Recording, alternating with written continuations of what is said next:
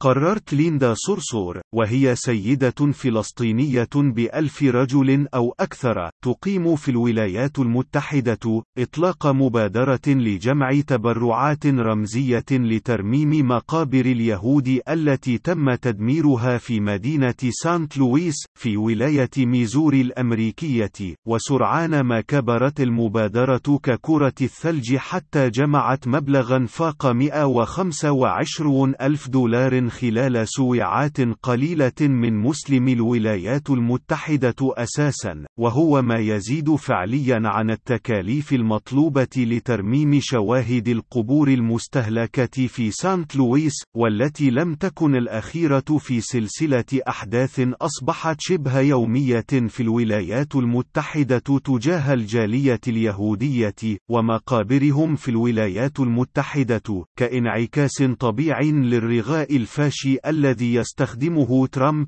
ومن لف لفه لتأسيس قاعدة شعبية مختلقة لهم ليس على أساس مصلحي اقتصادي أو فكري إيديولوجي وإنما على أساس شعبوي عنصري معاد للمهاجرين والمسلمين والملونين وكل من خالف تفوق السيد الأبيض في استعادة مواربة لحد الآن لخطاب التحريض النازي إبان الحرب العالمية الثانية. عقب حرق المسجد والمركز الإسلامي الوحيد في فيكتوريا في ولاية تكساس، قررت إدارة المعبد اليهودي في المدينة تقديم مفاتيحه لمسلمي المدينة ليؤدوا صلاتهم فيه، بعد أن أصبحوا ودون مسجد في المدينة إذ أن المكان يتسع لكل المسلمين واليهود في المدينة، بحسب تصريح روبرت لويب مدير المعبد اليهودي في المدينة.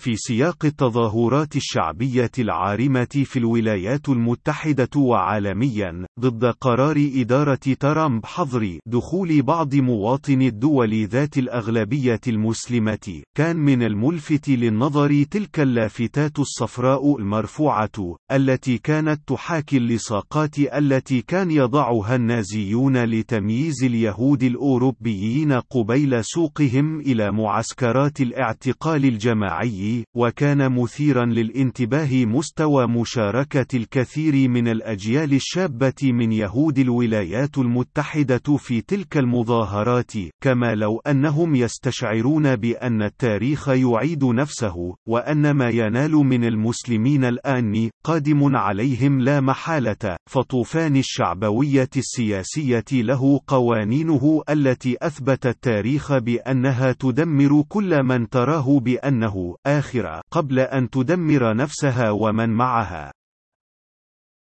وعلى الطرف الآخر من الأطلسي طالبت رئيسة الوزراء البريطانية تيريزا ماي الشعب البريطاني بالشعور بالفخر بمرور قرن من الزمان من وعد بلفور بالتوازي مع مداهنتها وتمسحها بزعماء الخليج العربي لبيعهم مزيدا من الصواريخ بحسب الصحفي المرموق روبرت فيسك والذي رأى بأن وعد بلفور لم يكن سوى الوثيقة الأكثر الأكثر كذبا وخداعا ورياء في التاريخ البريطاني الحديث ليشير بعد ذلك إلى المقدمات البراغماتية التي مهدت لتلفيق الوعد المشؤوم لأجل استمالة يهود الولايات المتحدة وروسيا إلى جانب الإمبراطورية التي لا تغيب عنها الشمس في الحرب العالمية الأولى وبشكل أكثر صراحة وثقه الباحث ديفيد كورنين في كتابه ظل بلفور قرن من الدعم البريطاني للصهيونية وإسرائيل في رسالة أرسلها بلفور لوزير الخارجية الذي تلاه في العام 1919 صرح فيها بأن الصهيونية أهم بشكل أكثر عمقا للمصالح البريطانية من رغبات وظلامات 700 ألف عربي ممن يسكنون تلك الأرض القديمة وعلى الطرف الآخر من الأطلسي طالبت رئيسة الوزراء البريطانية تيريزا ماي الشعب البريطاني بالشعور بالفخر بمرور قرن من الزمان من وعد بلفور بالتوازي مع مداهنتها وتمسحها بزعماء الخليج العربي لبيعهم مزيدا من الصواريخ بحسب الصحفي المرموق روبرت فيسك والذي رأى بأن وعد بلفور لم يكن سوى الوثيقة الأكثر كذبا وخداعا ورياء في التاريخ البريطاني الحديث ليشير بعد ذلك إلى المقدمات البراغماتية التي مهدت لتلفيق الوعد المشؤوم لأجل استمالة يهود الولايات المتحدة وروسيا إلى جانب الإمبراطورية التي لا تغيب عنها الشمس في الحرب العالمية الأولى وبشكل أكثر صراحة وثقه الباحث ديفيد كورنين في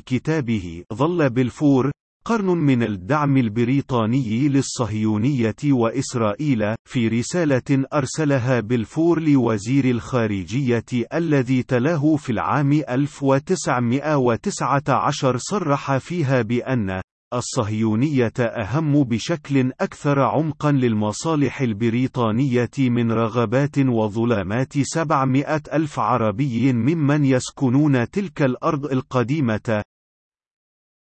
في مقابلة أجراها الصحفي الطليعي خوان جونزاليس مع الصحفي التقدمي جدعون ليفي في صحيفته هآرتس والمحامية ديانا بوطو مستشارة الرئيس عباس سابقا. أجمع الاثنان الأخيران على أن حل الدولتين الذي أعلن وفاته رسميا ترامب بعد وفاته سريريا منذ ولادته في مؤتمره الصحفي مع بيبي نتنياهو بحسب تدليل ذلك الأول له وتركه لذلك الأخير مهمة اختيار الحل الأمثل لتسوية الصراع العربي الصهيوني سواء كان بدولتين أو غيره والتي رآها ليفي بأنها تعني إدامة الحال البائس على ما هو عليه. فلا إسرائيل تعلن نفسها سلطة احتلال لكل الأراضي الفلسطينية وتقوم بما يمليها عليها القانون الدولي كسلطة احتلال. ولا هي تترك فرصة قابلة للتحقق واقعيا في كيان دولة فلسطينية من الناحية الجغرافية على الأقل عقب سياق التقطيع الممنهج للأرض الفلسطينية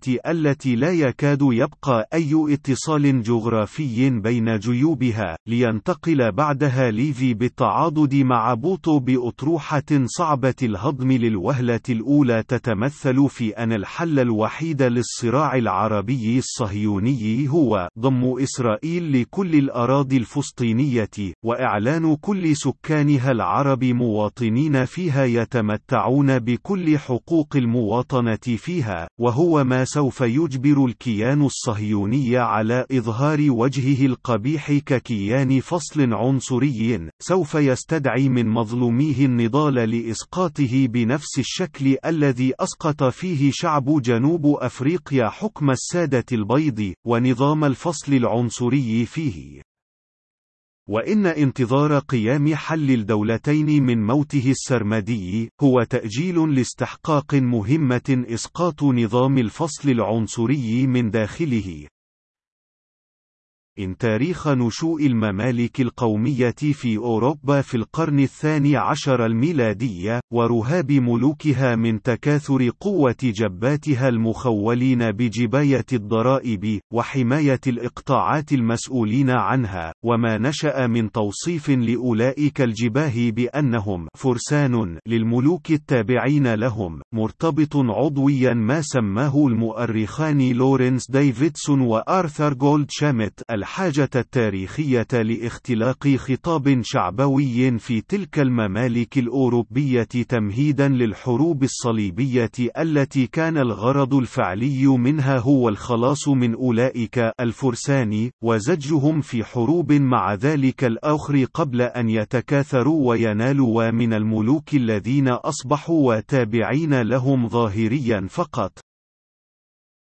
وفي سياق خطاب القرون الوسطى الشعبوي ذلك لا بد من استعادة الحكايات الحقيقية أو المختلقة بحسب صحيفة تروث ديج في عددها الصادر في ديسمبر 2016 عن صلب اليهود للسيد المسيح وما ترتب عنها من كره ثقافي عميق لليهود تجذر في أس تشكل الدول القومية الأوروبية ووعي شعوبها الجمعي وما نتج عنه لاحقا من جيوب معزولة لليهود الذي هاجروا إلى شرق أوروبا عقب سقوط مملكة بحر الخزر في حوض بحر قزوين في منتصف القرن الحادي عشر وإلى غرب أوروبا في القرن الخامس عشر بعد مغادرتهم للأندلس مع العرب بعد سقوط غرناطة في العام 1492 وهو الذي أرغم اليهود على امتهان حرف نوعية تصعب المنافسة فيها من عامة الشعوب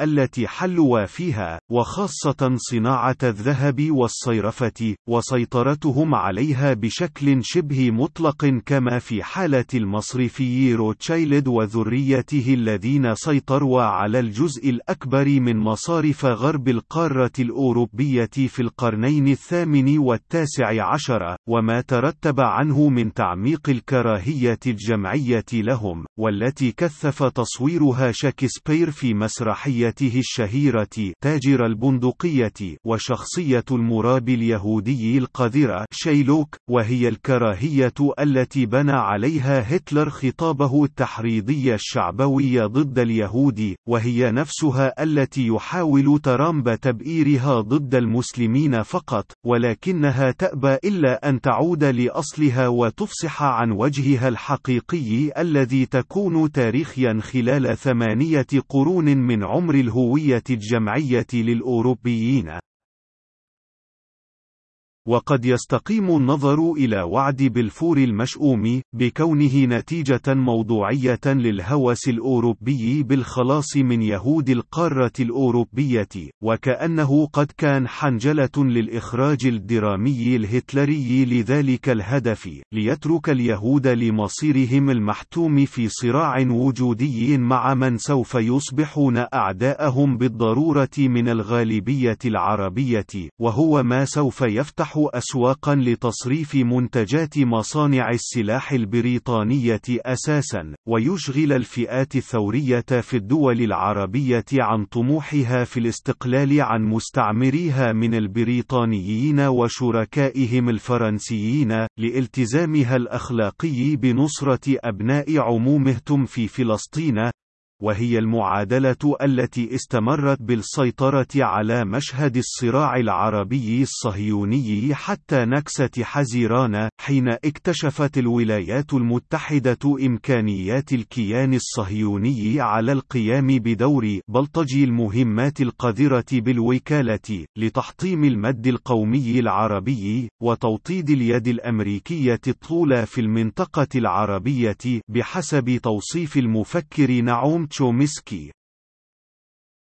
صدق وزير الخارجية البريطاني الحالي بوريس جونسون الذي طالما عرف عن نفسه في غير مرة بأنه صهيوني شغوف بأن وعد بلفور كان وثيقة عجيبة غريبة وهو ما يستدعي منطقيا استعارة منطق حكماء العرب ببطلان العجب العجاب إن ظهر سببه الخبيث المخاتل.